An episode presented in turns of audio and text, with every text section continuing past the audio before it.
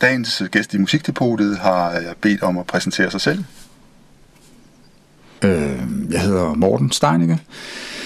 Øh, jeg øh, arbejder som journalist. Øh, jeg bor i København. Øh, jeg er også øh, aktivist i blandt andet Extinction Rebellion. aktivistgruppen Extinction Rebellion. og så har jeg, det er ret nyt, eller det er først inden for de seneste år, jeg begynder at arbejde som journalist. Jeg, det meste af mit arbejdsliv har jeg arbejdet i musikbranchen. Mm. Det har jeg gjort siden jeg var, siden jeg blev færdiguddannet, det var faktisk før jeg blev færdiguddannet som journalist på Journalisterskolen, og så indtil for 8 år siden, ja. 10 år siden. Mm. Godt.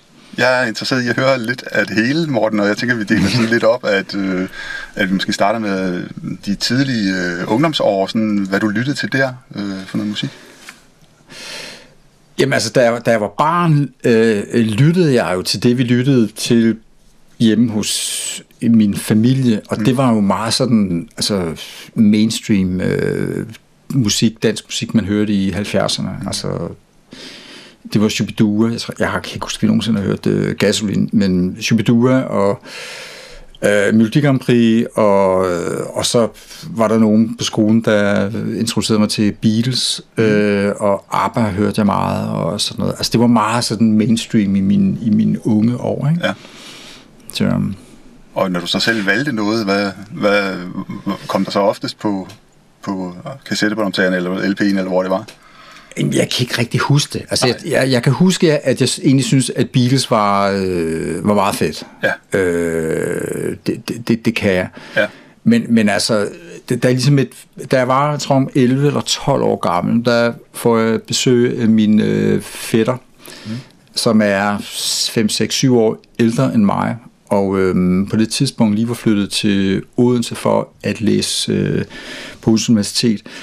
Og han spillede øh, Dark Side of the Moon mm. med Pink Floyd for mig.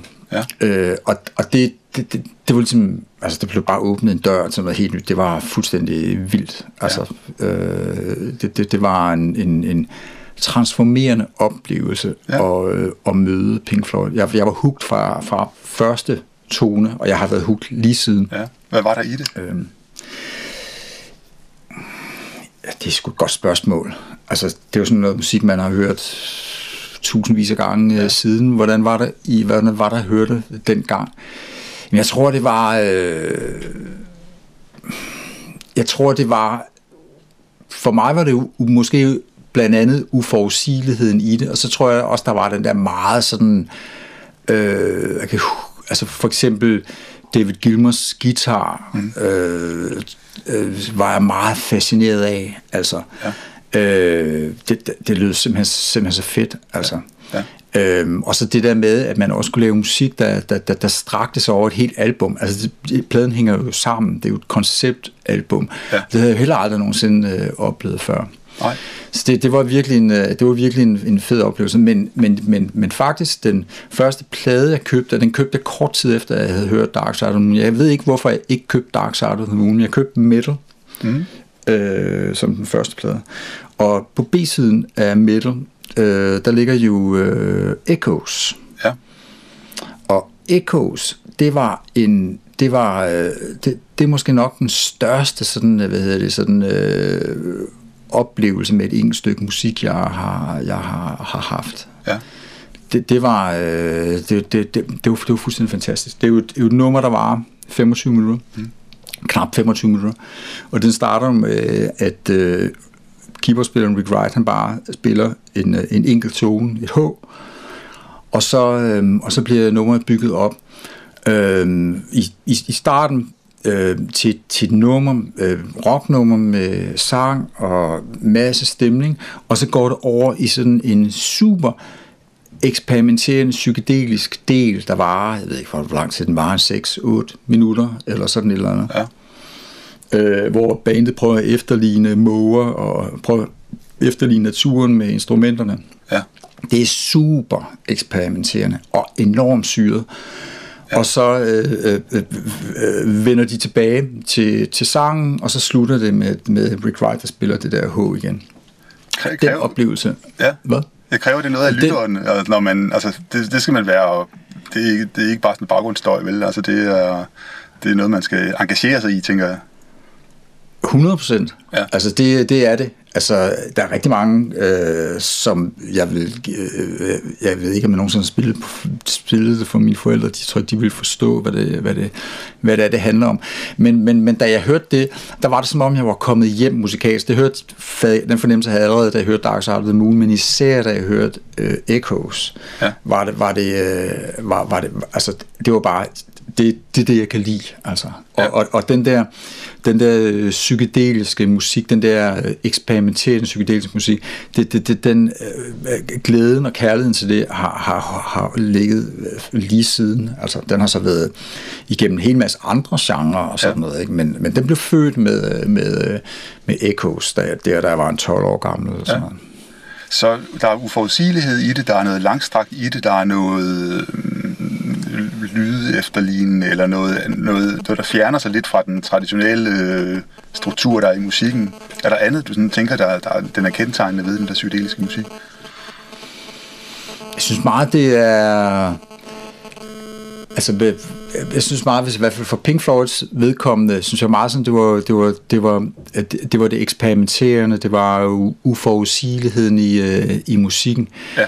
Og, og jeg, jeg kunne... Jeg, altså, jeg har haft altså, jeg, jeg ved ikke, tusindvis af timer, hvor jeg har ligget og ikke lavet noget, men bare har ligget med hovedtelefoner på, eller bare sat en plade på, og bare ligget, og, og blevet, har jeg fornemmelsen af at blive suget ind i, øh, ind i musikken. Ja. Og det er den, der, der, der er noget, den psykedeliske musik kan, som, man, som popmusikken ikke kan. Den kan, den kan ligesom, hvad skal man sige, skabe nogle, nogle, øh, nogle, øh, nogle stemninger, der på en eller anden måde lidt ligesom er at, øh, at åbne op for ens, øh, til nogle andre sider af ens øh, bevidsthed, eller Ja. måske endda underbevidsthed. Altså, Ja. jeg har ikke haft, jeg har været på stoffer mange gange, hvor jeg har haft sådan nogle, nogle øh, øh, altså psykedeliske oplevelser, men, mm.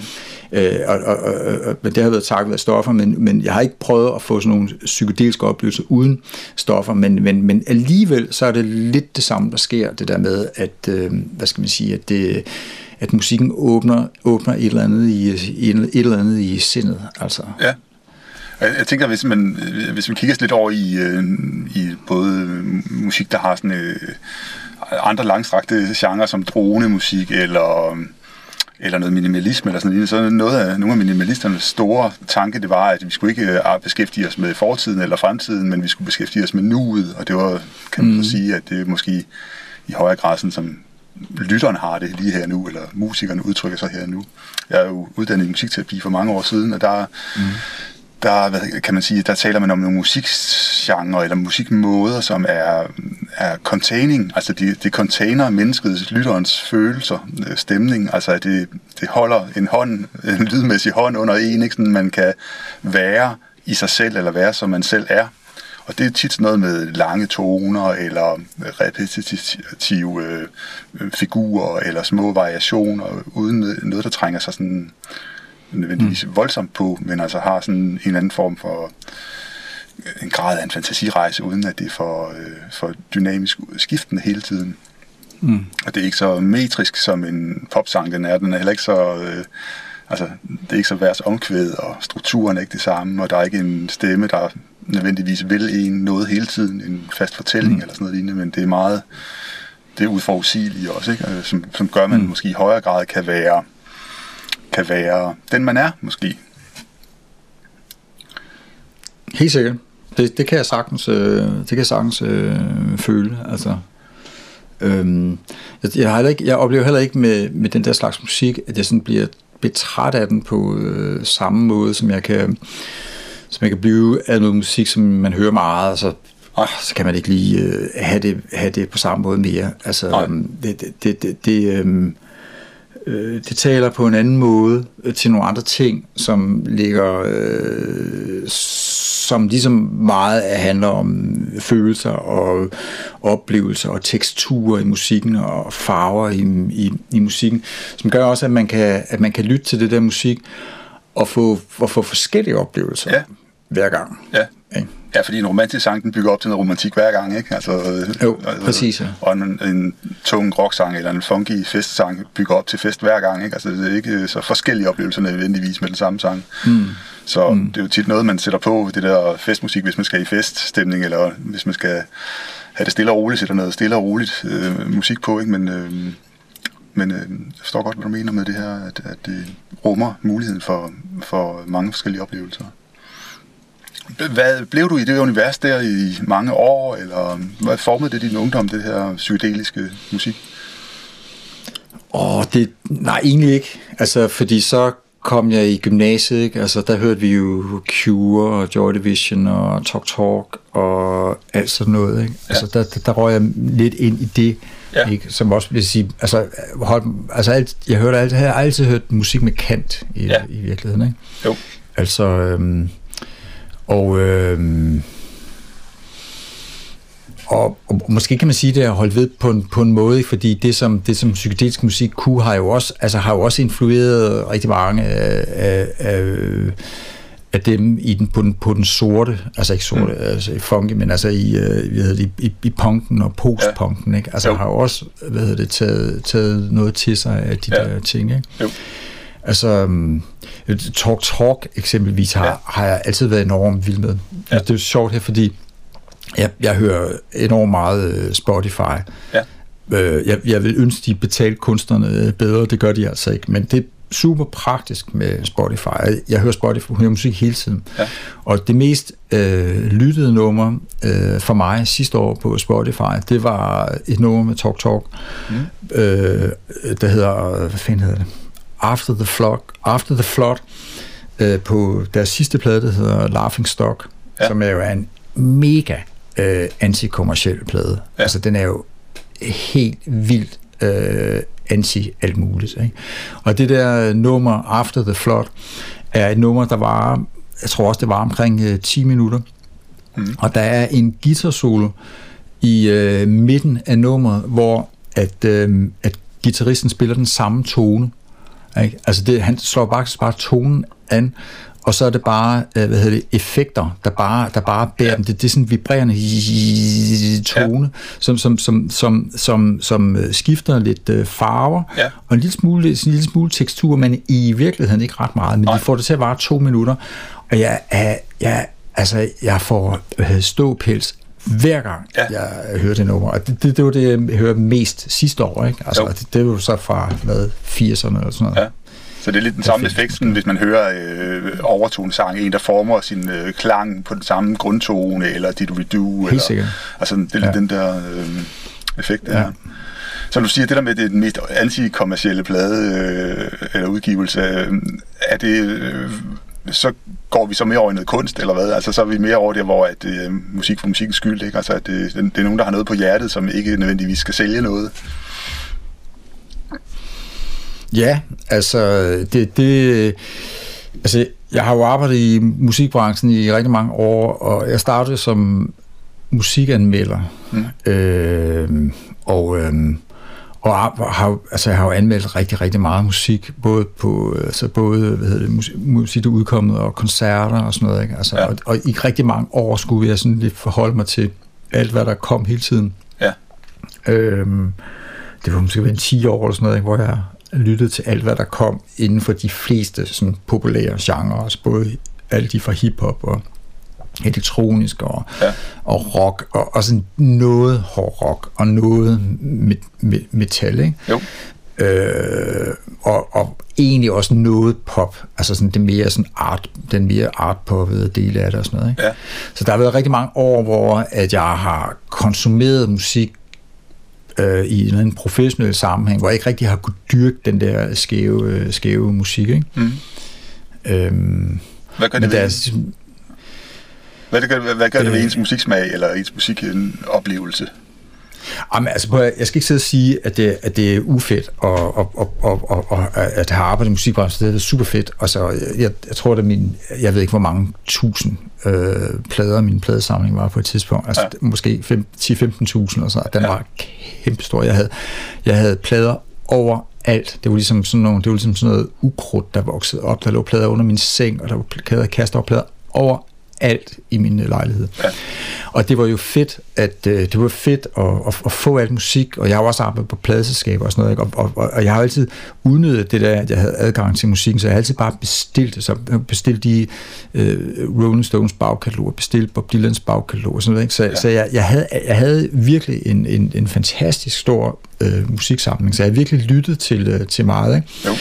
Men, men det, det gør, når man er arbejder i musikbranchen, øh, så, så er man øh, nødt til hele tiden at være og, og, og følge med. Ja. Og når man hele tiden er nødt til at følge med, og der udkommer så ufattelig meget musik hele tiden, så er der også rigtig meget musik, som ikke når at bundfælde sig. Så, mm. så, så problemet er også, at man hører enormt meget musik, Mm, øh, og man tænker, den her plade, den er sindssygt fed, altså det kunne jeg godt tænke mig at høre igen, og øh, du har ikke tid til det. Nej. Altså, du har ikke tid til det. Og så står du lige pludselig, og så kigger du på en plade, der, der kom for fem år siden, ikke? Og, og, mm. og, og du kan godt huske, den egentlig var meget fed, men du, du har ikke tid til at, at høre den. Det, det, det er lidt ulempen ved ja. at uh, arbejde på den måde. Man kan ikke dyrke det på samme måde, som da man, man var ung og var frisk for det hele, vel? Og, nej, overhovedet nej. ikke. Overhovedet ikke. Så slider det på ørerne, eller på musikinteressen, eller hvad, når man har det sådan? Øhm, nej. Nej. Jeg vil sige, øh, øh, ej, jo, både ja og nej. Altså, jeg vil sige, altså, altså, at øh, altså, fordelen af, Altså, der er så mange, jeg synes, der er også så mange fordele ved det, ikke? Ja. Altså, ja. At, det der med uh, interview med spændende uh, musikere ja. og spændende mennesker og, og lære en masse musik at kende, ikke? Altså, jo. jeg har jo, jeg har jo, det, det allerførste professionelt, jeg lavede, altså hvor jeg fik penge for det. Det var faktisk, da jeg var arbejdet på Ekstrabladet, der de, øh, de fik, havde brug for en anmelder til at anmelde elektronisk musik. Mm. Og det var i, hvad har det været, 293 eller sådan noget.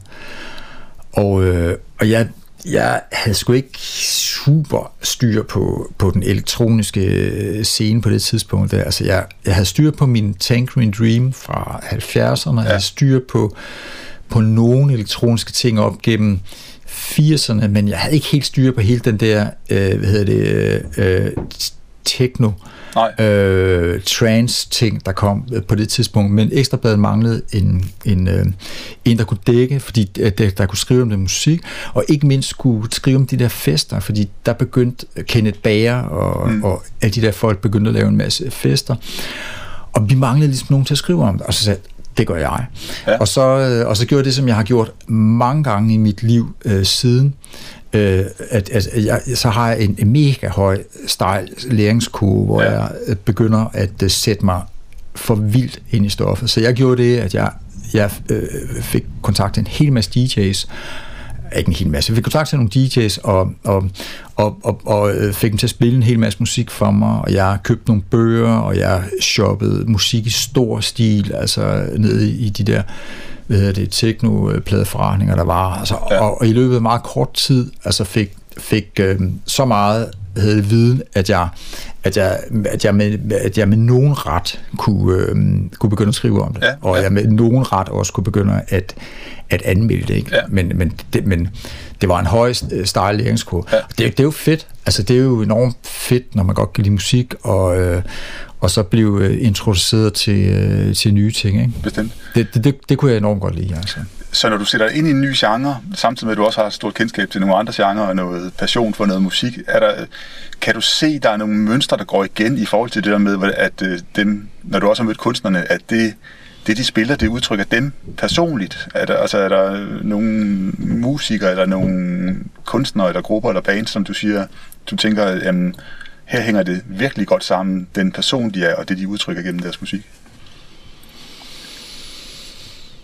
Mm, altså, jeg synes egentlig, hvis jeg skal... Altså, jeg synes faktisk, jeg har et ret godt øre for kvalitetsmusik. Ja. Det, det har jeg egentlig altid haft, ja. hvis jeg selv skal sige det. Og, øh, og, og jeg, jeg kan godt gennemskue, om, om, øh, om musik er lavet for at behage øh, behage andre, end det er lavet for, fordi at, at, øh, at kunstneren havde et eller andet at, at udtrykke. Ja. Det, det, det, den, den tror jeg faktisk, jeg tror jeg faktisk altid, jeg har haft. Ja. Jeg tror også, det er derfor, at jeg i dag, hvor jeg, hvor jeg lytter til 100% det, jeg kun har lyst til at lytte til, at, altså, at altid ender op med det skæve musik, fordi det, det, det på en eller anden måde er, er oftere, at det er, hvor at kunstnerne bare laver et eller andet, de synes er ja. fedt, og, og, og skider højt og flot på, hvad andre folk øh, mener om ja. det. Ikke? Så hvad er det skæve i dag? Altså, hvad, hvad, hvad betragter du som skæv musik? I dag? Som, som du holder af, ja.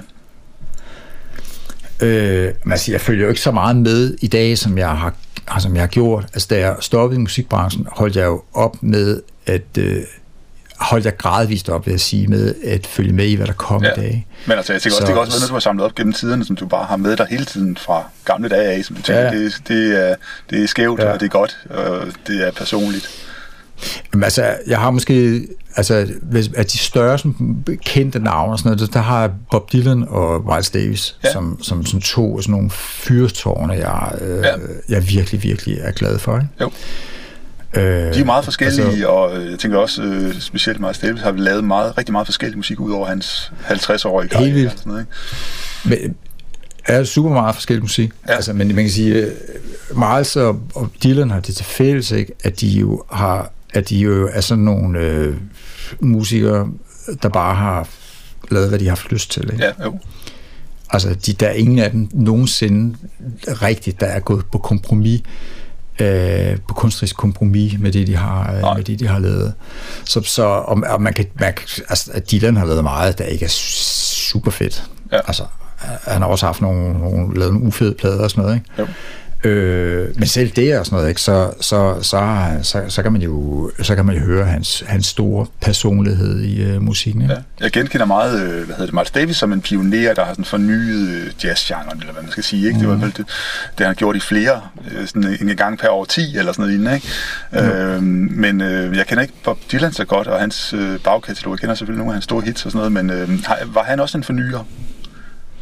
Er enormt meget i starten jo. Ja. Altså, altså de, de første plader, han lavede, dem lavede han jo i starten af 60'erne, ikke? og der, der, der, det er jo de første to, jeg kan ikke huske, de første to så er jo folkplader. Ja. Den første er jo bare kopimusik, hvor han lavede sit eget take på sådan nogle amerikanske folkesange og sådan noget. Ikke? Ja. Men så begynder han jo at spille sin egen sange, og bliver sådan en ikon på folkemusikscenen. Og så er det jo så, at han i, jeg tror 65, han laver to plader, hvor han sætter strøm på, øh, på, på rocken.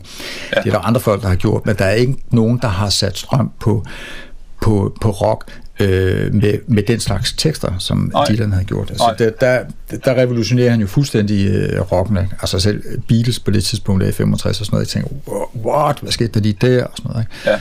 Altså, Øhm, det er måske i virkeligheden det sidste tidspunkt, at han sådan rigtig... Øh, nej, ikke rigtigt, at, at han egentlig sådan, hvad hedder det, fornyer noget. Ja. Resten af tiden fornyer han sig selv, men ligesom Miles Davis også genopfinder sig selv, så, så genopfinder Dylan også sig selv øh, adskillige mange gange. Ja. Meget succesfuldt, altså i øh, slutningen af 60'erne, og så i midten af 70'erne. Ja. Og så gør han det igen i slutningen af 80'erne, og så gør han det igen i 97, tror jeg det er. Ja. Ja, øhm, hvor han lavede en plade, der hedder Time Out of Mind, hvor jeg i forbindelse med den plade faktisk interviewede ham i ja. London. Ja. Hvad var det nye der øhm, i 97? Øh, det nye for ham, ja. øh, altså det var ikke noget nyt i forhold til musikscenen, men det nye for, for Dylan var, at han udtrykte øh, hvad skal man sige, det at blive ældre mm. øh, på, en, på en meget øh, ærlig og ægte øh, måde. Ikke? Jo. Øh, det var sådan en meget nøgen, nøgenplade, ja. hvis man skal bruge sådan en Jørgen Letsk udtryk. Ikke? Jo. Altså, øh, hvor, hvor han virkelig øh, funderer over det at blive ældre. Og det, er vel også, det, kan man sige, det er også et udtryk for at være i nuet, ikke? fordi det er jo øh, rock og beat, og, og 70'ernes musik er jo øh, måske øh, været ungdommens musik dengang, og de har måske også, øh, og lytterne har også tænkt, at jamen, det er, vi er evigt unge, og så opdager man mm. en 10-20-30 år senere, at der er altså også noget, der hedder aldring på en eller anden måde, og så bliver man, så kan man sige, hvis man er autentisk kunstner, eller øh, ja, øh, ikke går på kompromis, så, så synger man, eller spiller man om det, som man selv står i, ikke? Helt sikkert. Så det er måske overraskende at opleve en, et ungdomsikon, øh, i hvert fald for nogen et ungdomsikon, der lige pludselig laver øh, reflektere over livets øh, forgængelighed og så videre, ikke? Jo. Altså man siger jo om, øh, om, og man siger jo om, om, om, om Dylan, jeg kan huske, at læste på et tidspunkt, ikke? Altså, at, man, at man kan finde en, en Dylan-sang, der passer til en hvilken som helst stemning, eller følelse, eller tidspunkt i livet, du må være på. Ikke? Er du enig i det så? Øh, ja, det er faktisk meget enig i, fordi ja. at jeg har haft, altså jeg har, har haft nogle store oplevelser med ham også. Jeg hørte ham første gang, øh, hvor han spillede i 87 i, i Tel Aviv. Det var første gang, han øh, spillede i øh, Israel. Ja. Øhm, og, øhm, og, og, og, og der var Israel på det tidspunkt jo fuldstændig på den, øh, på den anden ende, øh, fordi at den hjemvendte søn, Rob, søn Robert Allen Zimmerman kom til Israel og, øhm, ja. og spillede. Ikke? Jo. Øh, og det var, det var fuldstændig fantastisk. Jeg kan ikke huske, hvad var det, du spurgte om? Hvad, om jeg kunne genkende hvad? Om du kunne genkende øh, noget i... Nå, det var interessant at høre alligevel, morgen. Det svar var interessant. Ja, om du kunne genkende noget i, øh, i de der stærke personligheder, der Miles Davis og Bob Dylan. Er der noget... Øh, siger det noget om dig, at du lytter til den musik, eller vil du gerne sige noget til omverdenen, at du lytter til den musik? Og altså, altså, jeg lytter jo til det for min egen skyld. Ja. Altså, Øh, Minder det, den, altså jeg tænker, hvis jeg lytter til den samme musik gennem mange år, så, så kan have en, Nå, du... så kan jeg have en hypotese om, at, det, at jeg gerne vil minde mig selv om noget, og minde mig mm. om mig selv, minde mig om de første gange, jeg hørte den sang, eller hvad den betyder for mm. mig, eller at den siger noget om mig i forhold til, det kunne være alder i, eller det kunne være i forhold til identitet, øh, hvem jeg er, mm. eller hvem jeg synes, jeg gerne vil udtrykke, jeg er, om ikke andet så over for mm. mig selv i hvert fald. Helt sikkert. Er der noget du kan også huske, at du, ja. du kan huske, at du kan huske, at du spurgte dem det der med, at jeg sagde det der med, at Dylan har en sang til enhver, Nå, ja. øh, til hver periode i livet. Ja. Ikke? Og, øh, og, og så var det fortalt, jeg hørte om dengang 87, og så 10 år efter, det, da, da jeg interviewer ham i øh, London, det, det sker lige på et tidspunkt, hvor jeg er blevet, øh, hvor at min søns mor og jeg er gået fra hinanden, mm. og jeg var i en miserable øh, periode i mit øh, liv, og jeg har ikke på det tidspunkt, jeg har ikke nogen, jeg har ikke, altså, øh, da, jeg er chefredaktør på det her musikmagasin. Ja. De ringer over fra Sony øh, og siger, Morten, vi har et interview med, øh, med Bob Dylan. Øh, øh, vi skal have svar i dag på, hvem der er, der skal, skal lave det. Og på det tidspunkt havde Dylan ikke givet noget, nogen interviews til danske kunstnere i 30 år. Nej. Eller danske journalister i 30 år. Nej. Og jeg er jeg, jeg er rimelig fucked op på grund af det der skilsmisse og sådan noget, så jeg siger bare, ja, det, det tager jeg selv. Ikke? Fordi jeg havde lyst til at møde og jeg havde lyst til at komme væk, og det var en tur til London og sådan noget. Ja. Og så gør jeg det, at jeg har 14 dage til at, øh, at blive øh, Dylan-ekspert, fordi jeg kender ikke Dylan super godt, og jeg hørte om det i 87, og jeg kender nogle af hans plader, men jeg kender ham slet ikke godt nok til at øh, lave et interview. Og det musikmagasin, jeg var chefredaktør, der havde vi sådan nogle folk som, som øh, Claus Lyngård og øh, Morten Sabro, og sådan nogle øh, folk, der skriver skide godt, ja. øh, som øh, også var kæmpe Dylan-fans, og det havde, jeg, skulle, jeg kunne bare have spurgt Claus, Claus, vil du ikke lave en med Bob Dylan? Ja. Og så ville han, ja, så, og så, ja. ville have, så ville have været pændevenner resten af livet. Jo. Men jeg tog den selv, så jeg var ligesom også nødt til at, og, og, og, hvad hedder det, øh, at, at, at læse op på det. Ikke? Jo. Så jeg, jeg fik kontakt med en, øh, en øh, dansk Dylan-ekspert, som jeg har tilbragt rigtig meget tid med, som spillede al mulig musik for mig, og, og, og, og jeg lånte nogle bøger af, og så, videre. så jeg havde sådan 14 dage, hvor jeg bare gik ind i et Dylan-univers. Og det er der, hvor jeg så øh, stifter bekendtskab med Blood on the Tracks, som er den plade, han laver i, jeg kan ikke huske, hvad det er, 73, 74, 75 eller sådan mm. Men det er, han, det er den store skilsmisseplade. Okay. Det er den plade, han laver, da han bliver skilt fra Sarah Laune, så kan jeg ikke huske, mm. hedder, øhm, øh, som han også har nogle børn med, de har været gift nogle år og så videre. Ikke? Og han laver den der plade, som er en, en helt fantastisk åben og igen nøgen øh, og selvudleverende plade om, om, øh, om hvordan det er at gå igennem skilsmisse. Ja. Og da jeg hørte den der plade der, under din der forberedelse der i 97 og sådan noget, der, altså, der, altså hvert et ord på den plade der, øh, hvad hedder det, klinger bare i mig. Det resonerer bare ja, øh, i ja. mig. Musikken resonerede i mig. Altså, det var, det var som at få sat, hvad hedder det, øh, fuldstændig at få sat ord på, øh, på, øh, på, på, det, på det, jeg opgik, det, jeg gik igennem ja. i min skilsmisse på det tidspunkt. Der, ikke? Ja. Så jo, øh, jeg, jeg, jeg, jeg, jeg kan bruge Dylan på samme måde, altså i, i, i, gennem mit liv, altså sådan, når jeg oplever ja. nogle ting, ikke? Så, så, så kan jeg sådan finde noget i hans øh, musik, ikke? som... Jo som understøtter det, eller jeg ikke sige hjælper mig, men, men, men, men, alligevel må, måske på en eller anden måde sådan, øh, mm. er med til at, at, at gøre mig klogere på nogle ting. Ikke? Ja. Miles Davis, det er jo instrumental, der har man ikke ordet mm. med sig til ligesom at komme med fortællingen, så hvad, hvad gør han, tænker du?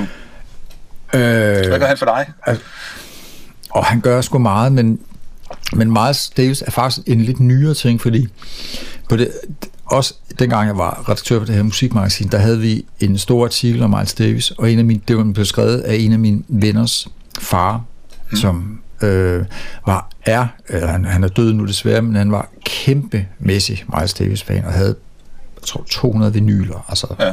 bootlegs og alt muligt. Altså kæmpemæssig, øh, hvad hedder det, øh, Miles-samling og ja.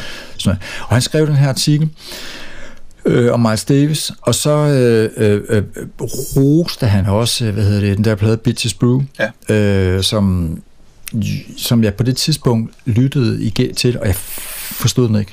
Altså, jeg forstod den simpelthen ikke. Så herfor, det er ikke mere end fire år siden, der øh, har jeg nemlig haft Bitches Brew stående øh, på vinyl, og så en dag så tager den frem og sætter den på, og jeg forstår stadigvæk ikke den plade. Nej. Og jeg har, øh, i 80'erne, der lyttede jeg til Tutu, kan du huske ja, den? Ja, ja. Øh, altså, det er jo sådan ret let, øh, let tilgængelig ja, plade, ikke? Og så lyttede jeg til, hvad hedder det, uh, Kind of Blue. Ja. Den havde jeg også, altså, og alle mennesker kan lide Kind of Blue. Ja. Men der for fire år siden, der, der havde jeg bare sådan, jeg fatter ikke Bitches Blue. Så ringede jeg til Per, så siger jeg, Per, jeg bliver nødt til at lære, jeg, jeg kan ikke forstå, med den her sådan forholdsvis komplicerede øh, musiksmag, jeg har i forhold til, at jeg godt kan lide eksperimenterende musik og alt sådan Hvorfor er der ikke den her plade? Så sagde han, du skal, øh, du skal læse den her bog. Mm. Og så foreslog han en bog, kigger jeg lige over. Ja. Den, øh, den, hedder, den, hedder Miles, den hedder Miles Davis. Den er skrevet af en, en uh, fyr, der hedder Ian Carr, en journalist, som har skrevet den her bog på 800 sider, som er ja. sådan en meget nørdet bog om, om Miles' trompetspil og, og, og, og, og pladerne sådan i kronologisk rækkefølge, men, men, men meget lidt om personen Miles Davis, mest om musikken i virkeligheden. Ja. Og så gik jeg i gang fra side 1. Det tog mig to år at læse den øh, bog, ja. fordi hver gang vi kom til en plade, så anskaffede jeg pladen. og, så, og så lyttede jeg til den, ja. og lyttede så meget til den, at jeg havde ligesom følt, at jeg havde forstået den. Ja. Og så øh, øh, læste op, og på et tidspunkt, øh, da vi så kommer til, da jeg så kommer til, hvad hedder det, Bitches Brew, øh, så, øh, øh, så sætter den på, der er den bare, jeg, jeg forstår den bare. Ja. Men, men, men for at forstå den plade, der, der var jeg nødt til ligesom at forstå den kontekst, den var i, ja. i den kontekst hos Miles Davis, den var lavet i. Jeg, jeg kunne ikke, jeg, jeg, jeg, jeg, kunne ikke, jeg, jeg forstod ikke hans sprog. Altså, jeg var nødt til at lære hans sprog at kende. Ikke? Mm. Og hvad, Hvordan har du det med den plade? Jamen, øh, det er ikke dem, en af dem, jeg har lyttet mest på, men det er en af, jeg har lyttet meget på den periode. Det er også nogle af de musikere, der er med på den. Ikke? Der var et helt hold af to-tre pianister, ikke? Keith Jarrett, Herbie Hancock og, og Chick Corea, mm. som spillede elektrisk klaver på det tidspunkt hos ham. Mm. Og så øh, Marcus Miller, var han, var han ikke med også på den, tror jeg, og og øh, nogle af de der øh, sopransaxofonister der, der også var fremme på det tidspunkt der. Mm. Øh, og øh, jamen, jeg elsker det musik der, og jeg tænker, at jeg havde sådan en, øh, en funktionsklaver, altså hvor vi sådan noget becifringsklaver øh, underviser på øh, universitetet, der hed Bjørn Vejerskov Alexandersson, som spillede med, øh, med nogle af Aarhus øh, poprockgrupperne i 70'erne og 80'erne øh, på Ellerov eller sådan noget, øh, og klaver. Han sagde, at øh, øh, fusionsjazzen, den har øh, den har øh, hvad hedder det, funktionsharmonik i bassen, altså du, hvad hedder det, grundtone, kvart kvint, altså grundtone igen, øh, den der helt gammeldags øh, mm funktionsharmonik i bassen, så har den øh, modalharmonik i øh, harmonierne, altså det vil sige sådan noget kind of blue harmonik, hvor man flytter en rive op og ned af tangenterne, eller op og ned af gitaren, ikke? Mm. altså kvarter eller sådan noget, hvor, man ikke, øh, hvor det ikke, der ikke er ledetoner i det. Og så har den øh, kromatik i toppen, øh, altså i melodien. Øh, og altså, jeg har bare intuitivt kunne lide det altid, altså siden jeg var 12-14 år, eller sådan noget, hvor jeg hørte sådan noget fusionsjazz første gang. Mm. Øh, og altså, det, det tænker jeg tit over, det der med, at det, det, det har tre lag, som minimum i hvert fald. Så har der selvfølgelig også rytmelaget, hvor det jo mm. tit enten er en meget fri rytme, eller også er det tit en meget stram rytme hos Miles Davis. Det har flyttet sig lidt over årene, ikke? Mm. Øhm, Jamen, jeg elsker det, den spænding, der, der er imellem de der tonale lag, og den spænding, der så også kommer med de, de rytmiske lag, der hvor nogle gange senere hen i, i hans karriere havde han Al Foster på trommer, hvor det var sådan ekstremt øh, skarpt trommemaskineagtigt trommespil, ikke? samtidig med, at der så var alt det andet musikalske liv der. Og, nu er du oppe i 80'erne, ikke? Jo, jo, jo. Og, ja. øh, og, og nogen, der, der gør det der også, det er Well Report, og særligt øh, når, hvad hedder det, de orkestre, som Joe Savinul har lavet efter øh, Well Report også. Altså, jeg elsker at se mm. de der live-klip på YouTube, hvor han spiller mm. øh, live med nogle af de der fede musikere med, hvor det, hvor det er det liv, der lever mellem de tre øh, harmoniske, melodiske og basplaner der. Øh, nu intellektualiserer jeg, analyserer jeg over det, så jeg tror egentlig, det, det, det krasser på en fed måde, synes jeg. Altså, og det, det, mm. Øh, det liver mig op på en måde, som øh, mm. jeg tænker er sjov. Og øh, det var selvfølgelig en musiklærer, der præsenterede det, mig for det i ungdomsskolen i i 14-årsalderen. Ikke? Øhm, og så, så det er også noget, jeg har fået ind på et tidspunkt, hvor jeg har været meget modtagelig for, for det eller andet, men det følger mig stadigvæk, øhm, og det, jeg tror, jeg skal til at lytte på den plade der igen. Det, øh, det er noget, der... Jeg kan godt lide udtrykket krasser på en fed måde. Ja. Altså, det, det, det, det gør det. Ja. det øh, ikke? Men det er også det her med, at det altså, det er, det er super udfordrende. Ikke? Jo, altså. jo altså, det, der, altså det, det, der er interessant ved det, fordi jeg har, jeg har talt med mange mennesker om det, og det, nogen siger, at hvis der er en musikgenre, de ikke kan lide, så er det opera, og andre siger, at hvis der er en musikgenre, de ikke kan lide, så er det fusionsjazz. Øhm, jeg kan lide lidt af hvert, men jeg elsker fusionsjazz, og noget opera kan jeg også godt lide. Ikke? Men hmm. hvis jeg nogle gange skal forklare øh, folk, hvad det er, der er det fede ved fusionsjazz, så synes jeg, det er det uforudsigelige i det, men det er også det der sammenspil, der er og det der, det der er i hvert fald meget i Miles Davis' musik, det der med, at man spiller det uforventede. Ikke? Altså, der er ja. nogen ligger op til en frase, så laver man den ikke færdig, så laver man noget andet, eller en anden musiker tager over på den og omformer den på en eller anden måde. Det vil sige, den der kom- ekstreme uh, real-time kommunikation, der er i orkestret, mm. som gør, at når mm. man uh, live er det jo helt vildt, for der kan man også se dem gøre det, ikke? altså kommunikere med hinanden. Mm hvor et mm. klassisk rocknummer, 4 fjerdedel, øh, vers, omkvædet, vers, omkvædet og en bro osv., det er så forudsigeligt, øh, og, og nu, nu, nu bliver der rigtig mange mennesker sure på mig. Nogle gange kan jeg godt finde på at sige, at rockmusik svinger ikke. Det ved jeg godt, det gør det også. Men, men det der med, at man, man, man udfordrer simpelthen lytteren ekstrem grad i fusionsjazz, øh, mm. det der man, man øh, fra det forventede ikke kommer, til der kommer noget, der redder det ikke forventede, er fantastisk, mm. ikke? Altså. Mm. Helt sikkert. Øh, og det, altså, ja. minimalisterne, de snakker om det der med, at, at øh, når det forventet ikke kommer, så begynder man at danne sig nogle fantasier selv. Altså så piger det ens mm. fantasi på en anden måde, end når det forventede det dukker op. Ja. Og det tænker jeg, det, det kredser ja. lidt om det der med det psykedeliske, det uforventede. Jeg mm. ved ikke, jeg, jeg kan ikke synge med, fordi jeg ved ikke, hvad det næste er, medmindre jeg har hørt det tusind gange. Ikke? Øh, og det, mm. det synes jeg, der er rigtig meget af i det her fusionsdags, at man lægger mærke til noget nyt hver gang.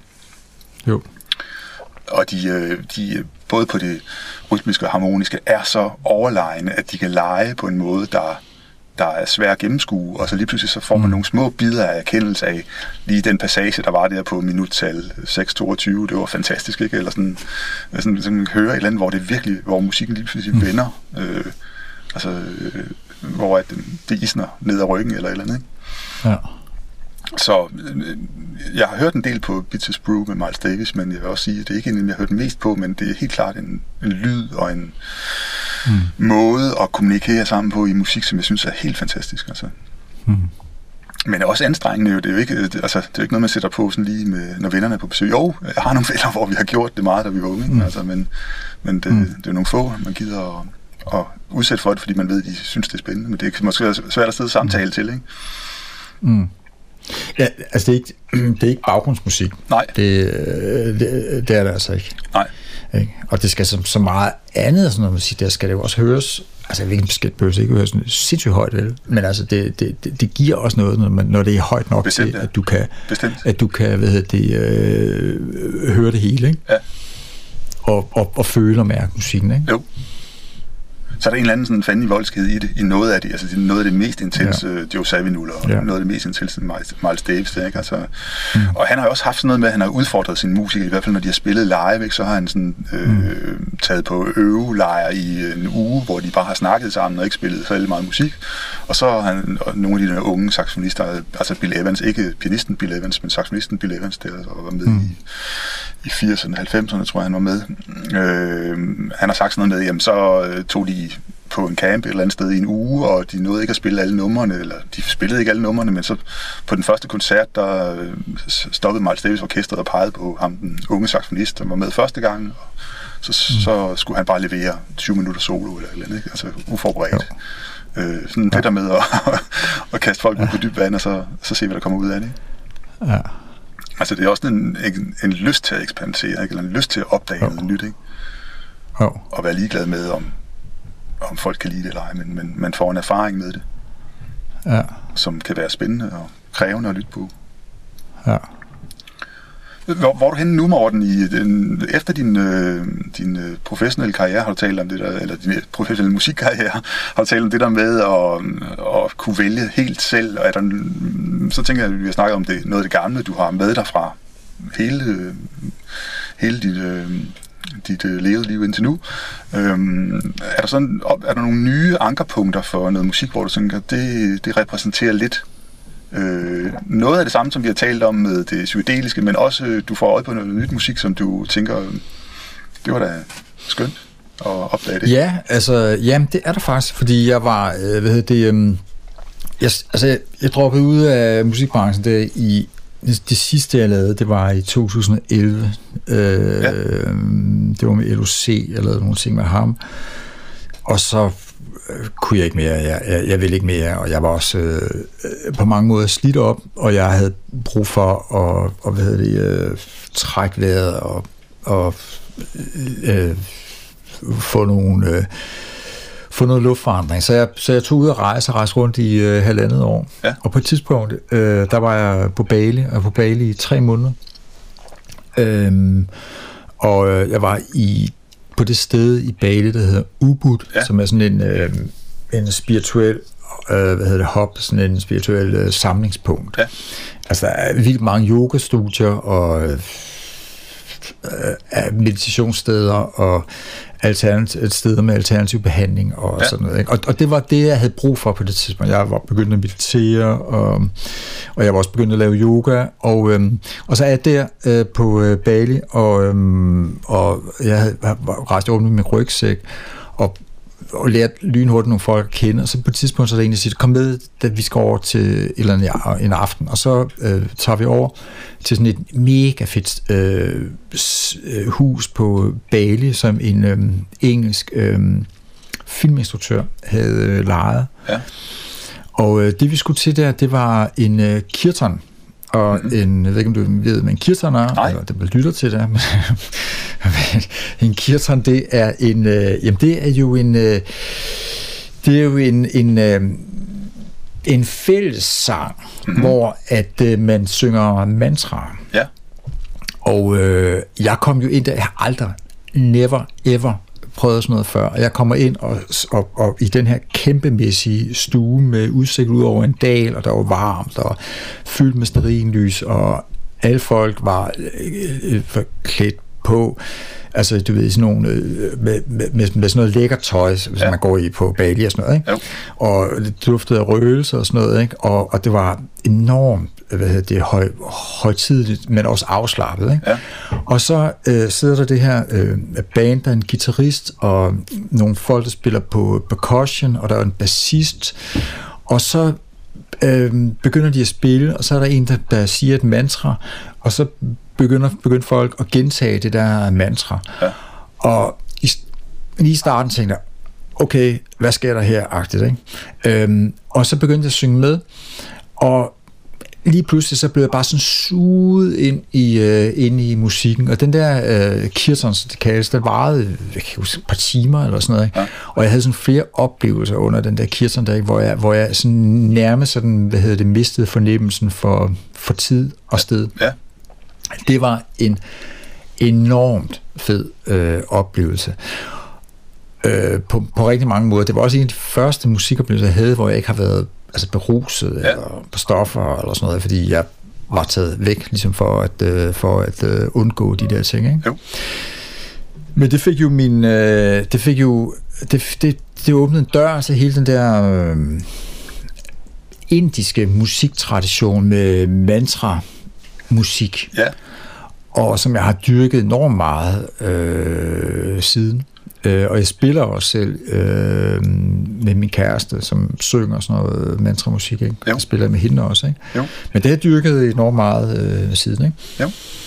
Og er der nogle øh, kunstnere, som, som, hvis du lytter på det, er der nogle kunstnere, du, du øh, kan anbefale, man skal tage fat i? Eller som siger dig noget Øh, særligt? Ja, der, der, der, der er mange af dem, der siger mig noget, noget særligt. Altså, øhm, men, men, men der, der er meget af det, og, og, og, og, og der er mange, der er dygtige øh, til at spille, men, men altså, nu, en, af, en af dem, som jeg synes er, er virkelig fed faktisk, som jeg hører meget, går og hører meget i øjeblikket faktisk, det er faktisk Alice Coltrane, som var gift Ja. med John Coltrane. Ja. Pianist, ikke? Eller? hvad? Hun, hvad siger du? Hun er pianist, var hun ikke det, eller hvad? Øh, jeg ved faktisk ikke, hvad hun spillede. Det er også lige meget. det er lige meget. Øh, men hun tog øh, jo efter, at øh, hendes mand døde, tog hun jo til øh, øh, Indien. Ja. Og, og, og, og, og, og, og hvad hedder, tog ind på sådan en meget, meget, meget spirituel retning. Ikke? Og hun har lavet nogle fuldstændig helt vilde øh, plader med sådan noget mantra-musik. Ikke? Ja. Og det er sådan noget musik, ikke? altså med, med, med droner, altså sådan nogle, øh, hvad hedder det, øh, sitar og Ja. hvad hedder det, tanpura, og også sådan et Ja. ja. streng instrument, der Jo. ligger sådan en dronelyd, sådan noget med, med sindssygt mange overtoner Ja. i. Ja. Og det musik, hun spiller, det er jo sådan noget musik også, der varer altså øhm, kvarter, 20 minutter. Øh, ikke? Altså, og hvor man bare gentager øh, man, et mantra igen og igen og igen og igen. Det er Ja. sådan helt, sådan, det, det kan være sådan helt øh, ud af kroppen øh, oplevelse. Det er enormt fedt. Ja. Altså, sindssygt fedt, ikke? Jo. Øhm, og, og for mig var det også måske lidt overraskende at, øh, at, at altså, tage hul på det musik, fordi at jeg måske altid har haft en set lidt ned på, på, på, på øh, religiøs musik, Ja. øh, på en eller anden måde, og så har jeg måske også haft en, øh, tænkt, at det her, det, skulle det her over i sådan øh, New Age-genren, ikke? Fordi Jo. der er rigtig meget af det her musik, som, måske ikke lige præcis Alice Coltrane, men der er meget af det her musik, som det her mantra-musik, som faktisk falder ind i New Age-genren, Ja. ikke? Jo. Altså, øh, men, men det, det, har jeg det, det, kan jeg sagtens have det godt med, fordi for mig er den her øhm, spirituelle mantramusik ikke kun en lytter, er det er ikke kun noget, du lytter på, det er noget, du deltager i. Ja. Altså, du sidder ikke og lytter til sangen, du synger med, og du synger med, så du, så, så, hvad hedder det, øh, så, så du kan mærke, hvad hedder det, øh, når du gentager et mantra igen og igen, så, så er det som om du, man, man siger, at man masserer kroppens Ja. indre organer Ja. med, med, med de der øh, mantraer. Ikke? Ja. Og, og, og, og- det kan faktisk have sådan en følelse som om, at det har sådan en, en rensende effekt på Jo. ens, øh, på ens øh, krop. Ikke? Jo, og man kan sige, at, at på et generelt plan, uanset om det er en religiøs sammenhæng eller ej, skal man sige, det at være udøvende på et, øh, et fysisk instrument, som sang er, eller blæseinstrument, eller noget, hvor man mærker vibrationerne fra et akustisk instrument i fingrene, eller et eller andet, det gør jo, det, det flytter jo på et eller andet i en, ikke? Altså det er noget andet, end det bare at lytte på noget mekanisk udført musik. Ikke? Helt sikkert. Så øh, det er jo klart, at det er meget involverende, når man bruger stemmen til at, til at deltage i musikken øh, sammen med andre også. Ikke? Og, når du så, og, og ja, og, og, og når man så især gør det, synes jeg, på, på musik, ikke, som, som udvikler sig meget, meget, meget lidt. Vi er lidt tilbage til det der med drone-musikken, eller psykedelisk Ja. musik. Altså, musikken udvikler sig meget lidt, og du bliver ved med at gentage det samme mantra. Så, så efter 10 minutter, du har siddet og sunget det der mantra, og, og, og, og dynamikken bliver tager gradvist mere, mere, mere, mere til. Ja. Ikke? Øh, altså, det kan jo lyde enormt ensformigt, men det er, det er en enormt øh, hvad hedder det, øh, befriende ja. oplevelse at ja. sidde og synge, og synge med, og synge det samme igen ja. og igen og igen og igen og igen. Ikke? Og der kan man, bliver altså, sådan ja, man kan tænke, eller jeg tænker umiddelbart, at det er jo også øh, oplagt, at det så slår man jo tankerne fra, fordi så handler det ikke om det der med at være analyserende på, hvad skal jeg gøre i næste takt, hvis nu man improviserer, eller altså i, i, i beat-up, ja. eller sådan noget, hvor det er, kræver Ja. både en masse tankevirksomhed og også en masse, en masse sådan, det, for nogle folk er det højt automatiseret, det ved jeg godt ikke, men for, for, mm. for andre øh, vil det være en udfordring, det med hele tiden at skulle finde på noget nyt og spændende for et publikum, der skal høre på det, men her der gør Jo. man det sådan set for sin egen skyld og sin egen øh, mm. mentale gymnastik eller følelsesmæssig gymnastik eller et eller andet, ikke? Altså. Ja. Et andet godt sted at starte med den der musik faktisk, det er, kommer jeg om, det er en fyr, der hedder Krishna, Krishna Das, Okay. som er en amerikansk musiker, som, som, øh, som så mange mennesker, der kommer ind på den her øh, hvad hedder det, spirituelle øh, retning i sit liv, øh, har, har øh, Krishna Das, han havde også har levet et sindssygt hårdt liv, og finder så ud af på et tidspunkt, ikke, at altså, lægger, jeg ved ikke, hvad det var stoffer eller alkohol på hylden, og bliver spirituel og, og, og, og begynder at synge øh, mantramusik. Ja. Og hans, undskyld, hans øh, debutalbum blev produceret af Rick Rubin, mm-hmm. Som jo er øh, en af de helt store, øh, verdens største producer, ikke, og som har lavet øh, hvad hedder det, lavede Def Jam, havde Def Jam pladeselskabet i tilbage i 80'erne og 90'erne, og har produceret altså alt, alle slags musik, rock og whatever. Øh, Ja. og sådan noget. Men øh, Rick Rubin øh, producerede så Krista Stars øh, debutalbum, og det, det er et super godt sted at starte, hvis Ja. man vil øh, hvis man vil stifte bekendtskab med, øh, med den her mantra-musik. Ja. Ikke? Så er det musik, der har en funktion mere, end det er øh, en ren lytteoplevelse, ikke? Så er det lige så meget, end det skal bringe en et, et sted hen, ikke? Altså, øh, Helt sikkert. Øh, Ja. Al musik skal bringe en et sted hen, tænker det er bare forskellige typer steder, man finder ikke, øh, Jo. ved at gøre det. Ja. Øh. Er der noget musik, hvor du tænker, at det, det er lidt på kanten af min interesse, men der er lige alligevel et par numre, der har fanget mig, eller en kunstner eller sådan noget, der har fanget dig? Hvor du sådan bliver overrasket over, at hov, er jeg sådan en, der også kan lytte til det? Åh, altså, jeg, jeg, jeg kan jo lytte til alt, og jeg lytter også til, øh, til, til det meste. Ikke? Jo. Øhm, nej, jeg synes ikke, der er noget, der har, har, har overrasket mig. Øhm, altså, nej, jeg, jeg, kan, jeg kan sgu finde jeg kan finde øh, øh, god musik i alle genrer. Altså, jeg, jeg, jeg har virkelig ikke nogen sådan genre, hvad hedder det, øh, forskrækkelse. Nej. Øhm, det, det synes jeg ikke, jeg har. Nej. Øh, så, så jeg er ikke, hvis jeg hører et eller andet, jeg, altså, jeg, jeg gør meget det, at jeg når jeg lytter til Spotify, at øh, hvis, hvis øh, jeg lytter til et album, og albumet er færdigt, så står den over i den der radio, Ja. kalder de den, hvor den så bare begynder at spille relaterede ja. Ja. ting. Ikke? Jo. Og nogle gange, nogle gange, så kommer der sådan noget, man tænker, wait, hvor kom det fra? Ja. Ikke? Jo. Øh, men hvis det, hvis det, hvis det, hvis det godt, hvis det er, hvis kunstneren vil noget med det, så, så, så er det fint for mig. Ja. Altså, så, øh, ikke? Og jeg, jeg kan finde god musik i det hele. Ikke? Jo. Mm-hmm. Så jeg synes ikke, der er noget, jeg, nogle steder, hvor jeg er blevet, altså, har, har overrasket. Nej. Øh, Er der noget, hvor du tænker, at øh, når tiden engang tillader det, øh, så vil jeg dykke ned i et eller andet, som, øh, som du har fået en, en Jeg tanke? sådan har det med, jeg sådan har med klassisk. Ja. Altså, øh, jeg, jeg havde på et tidspunkt, da jeg arbejdede på øh, pladselskab, øh, der, var jeg, der var jeg simpelthen så træt af, af musik. Altså, jeg, jeg, jeg havde det virkelig som om, at jeg, jeg kunne ikke rumme mere, øh, mere musik, og jeg, jeg, var, jeg, var, jeg var simpelthen så pisse træt af det. Ja. Så, øh, så bestilte jeg en, en hel masse øh, operaplader hjem og begyndte at, at lytte til det, fordi det var så langt væk fra, fra det, jeg arbejdede med på det tidspunkt, var det Ja. hiphop og, og sådan forskellige ting. Ja. Øhm, og, og, og operan var så langt væk fra, det, jeg, jeg var på det tidspunkt var lige ved at miste interessen for, jeg jo ikke mistet interessen, men jeg har mistet lysten til at lytte til, lytte til musik, fordi det var blevet så, så hvad hedder det, øh, professionelt påtrængende. Ja. Ikke? Jo. Øhm, Du skulle mene noget Og om der- det, du skulle forholde dig til det og sådan noget, ikke? Ja, Ja. ja.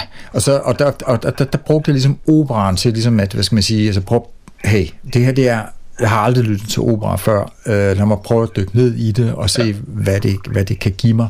Ikke? Og, det, øh, og det, det, det, det gav mig helt sikkert nogle, nogle enormt fede oplevelser. Og jeg har, jeg har haft jeg har et stort ønske om øh, at, altså at, at virkelig dykke ned i den klassiske øh, musik. Ikke? Men, men, men jeg, er ikke, jeg er ikke typen, der, der, der, der, der sådan, hvad hedder det, så, øh, altså, der kan gøre noget halvt med musik. Nej. Altså, det er lidt ligesom med Miles Davis, så, så bruger jeg to år på at øh, pløje hele hans katalog igennem. Ikke? Jo. Øh, der er også der er ting med klassisk musik, som slår mig. Altså for eksempel, hvad hedder det, øh, Bachs cello, hvad hedder det, cello? Øh, Suiter. Ja. Cello suite. Og så. Ja, altså der er jo. sådan nogle ting, ikke, som jo. man bare sådan, wow, det er, ja. bare, det er bare fedt, ikke? Jo. Men Bach, altså, jeg ved ikke, hvor mange, hvor mange kompositioner har han lavet. Ja, ja, og man kan sige, hvis, altså, altså, hvis du skal dyrke en genre, eller dyrke en, altså hvis klassisk musik som genre, så er der en, en 300-500 år at dykke ned Jamen, det er simpelthen, det er simpelthen så enormt. Ja. Det er simpelthen enormt, men, men jeg ved også, at, jeg ved også at, at, at hvis jeg på et tidspunkt gør det, og siger, okay, nu, nu, øh, nu, nu, nu, nu dykker jeg øh, ned i, så ligger der nogle helt fantastiske ja, ja. oplevelser i det. Ikke? Og man kan jo sige, man, det, kan, man kan gå baglæns jo, fordi altså, nogle af de kunstnere, du snakker om, at det der, hvad hedder Tangerine Dream og og, øh, mm. og, og teknomusikken og sådan noget. Hvis man, altså dengang, at der var mange artikler om det i medierne her i, ja, hvornår har det været, i omkring år 2000 skiftet, jeg læste en del om det i hvert fald, mm. fordi jeg havde en undervisertjans, hvor jeg også mødte en masse unge mennesker, som, som øh, interesserede sig for det. Så skulle jeg også sætte mig ind i det. Så kan man sige, skridtet tilbage, for det, de refererede jo alle sammen til Karl-Heinz Stockhausen og Edgar Varese og sådan nogle øh, ja, de der ja. øh, elektronmusikere fra før det var hed techno, ikke? Men altså der hvor det var, dengang jo, jo. det var eksperimenterende, og mange af dem kom ja. fra en klassisk tradition, ikke? og så havde jo. øh, puttet noget båndsløjfe og noget øh, tonegenerator og sådan noget ind over, i stedet for mm. rigtige instrumenter, ikke? Mm. Og skal man sige, så det er jo, øh, der er, øh, og der er også kunstnere, sådan, tænker jeg, noget af det, du taler om med det repetitive og den lange grundtone, der bliver formet i, øh, i, i frekvenserne eller klangfarverne. Øh, Arvo Pärt, den er sådan en kor, øh, en estisk, tror jeg, han er korkomponist, øh, komponist, som laver sådan også noget øh, kormusik inden for en klassisk tradition, hvor det er meget øh, gentagelser og meget små variationer. Det, det handler om, hvor den der hvor det er en præstation i klanglig udvikling mere end det er en præstation i mange flotte toner. Øh, okay. Kender jeg ikke. Det må jeg lige tjekke ud. Ja, ja, ja. Der, er mange, øh, øh der er mange af de der... Ja øh, man kan spole tilbage fra, altså, øh, mm. til de der, over, altså de der kunstnere, som er, er sådan en overgangsfigur mellem en gammel tradition og en ny tradition, dem der er, der mm. altså, øh, med genre inden for det klassiske, øh, altså alt det, der skete i 1900 øh, talets begyndelse, ikke? altså avantgarde komponisterne der, sådan noget, de, de, øh, de ligger inden for noget, det kunne godt lyde lidt psykedelisk, tænker jeg, øh, når man lytter til noget af det. Mm. Og de ville prøve at finde noget af det, man ikke havde hørt før, ikke? Altså, hvor at, at det ville Mozart sikkert også, men øh, det var alligevel inden for en meget øh, klar ramme om nogle danseformer mm. og sådan noget, ikke? Noget tonalitet, mm. som man forventede sig et eller andet af, som han så gjorde ypperligt på en eller anden måde. Mm. Spændende at høre om, Morten. Øh, er der noget, vi ikke har snakket om, som kunne være spændende at snakke om? Oh, vi har været, vi har været langt omkring. Ja, det har vi. Øhm,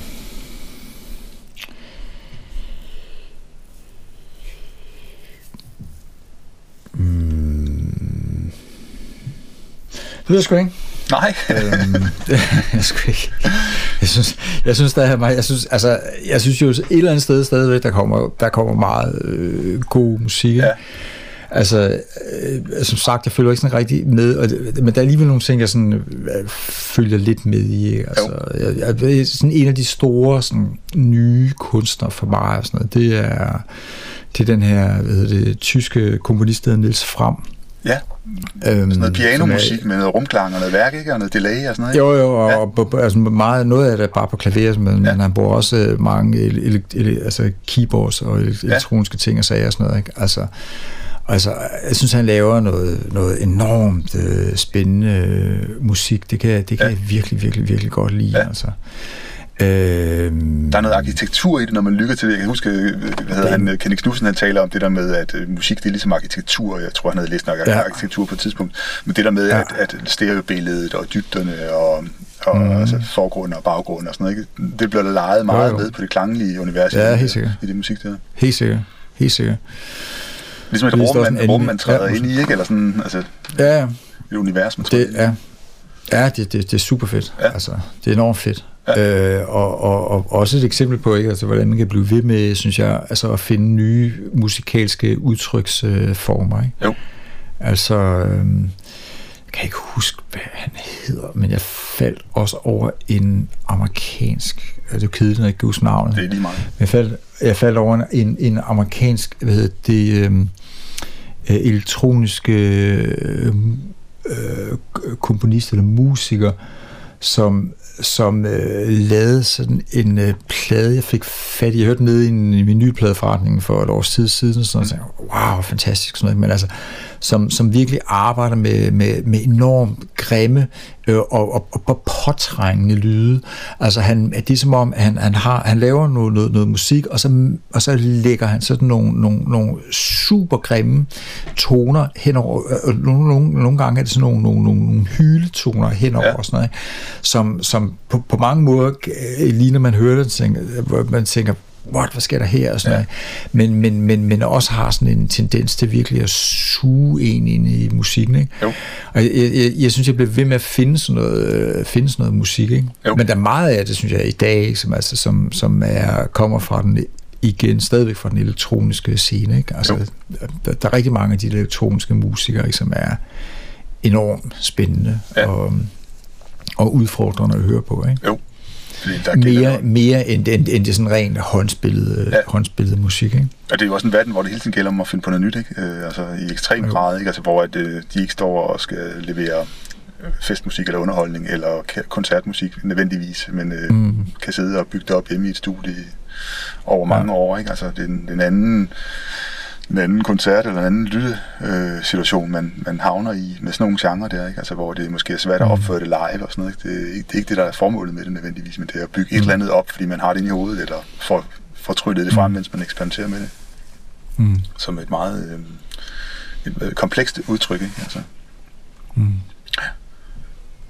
Morten Jepsi, tak for øh, en utrolig spændende samtale omkring øh, din øh, musikhistorie, øh, og øh, der er noget, jeg skal have lyttet mere ned i, kan jeg godt høre. Jamen øh, selv tak, og tak fordi du ville øh, tale med mig. Det var, det var spændende at få lov til at sidde og tale om de her ting.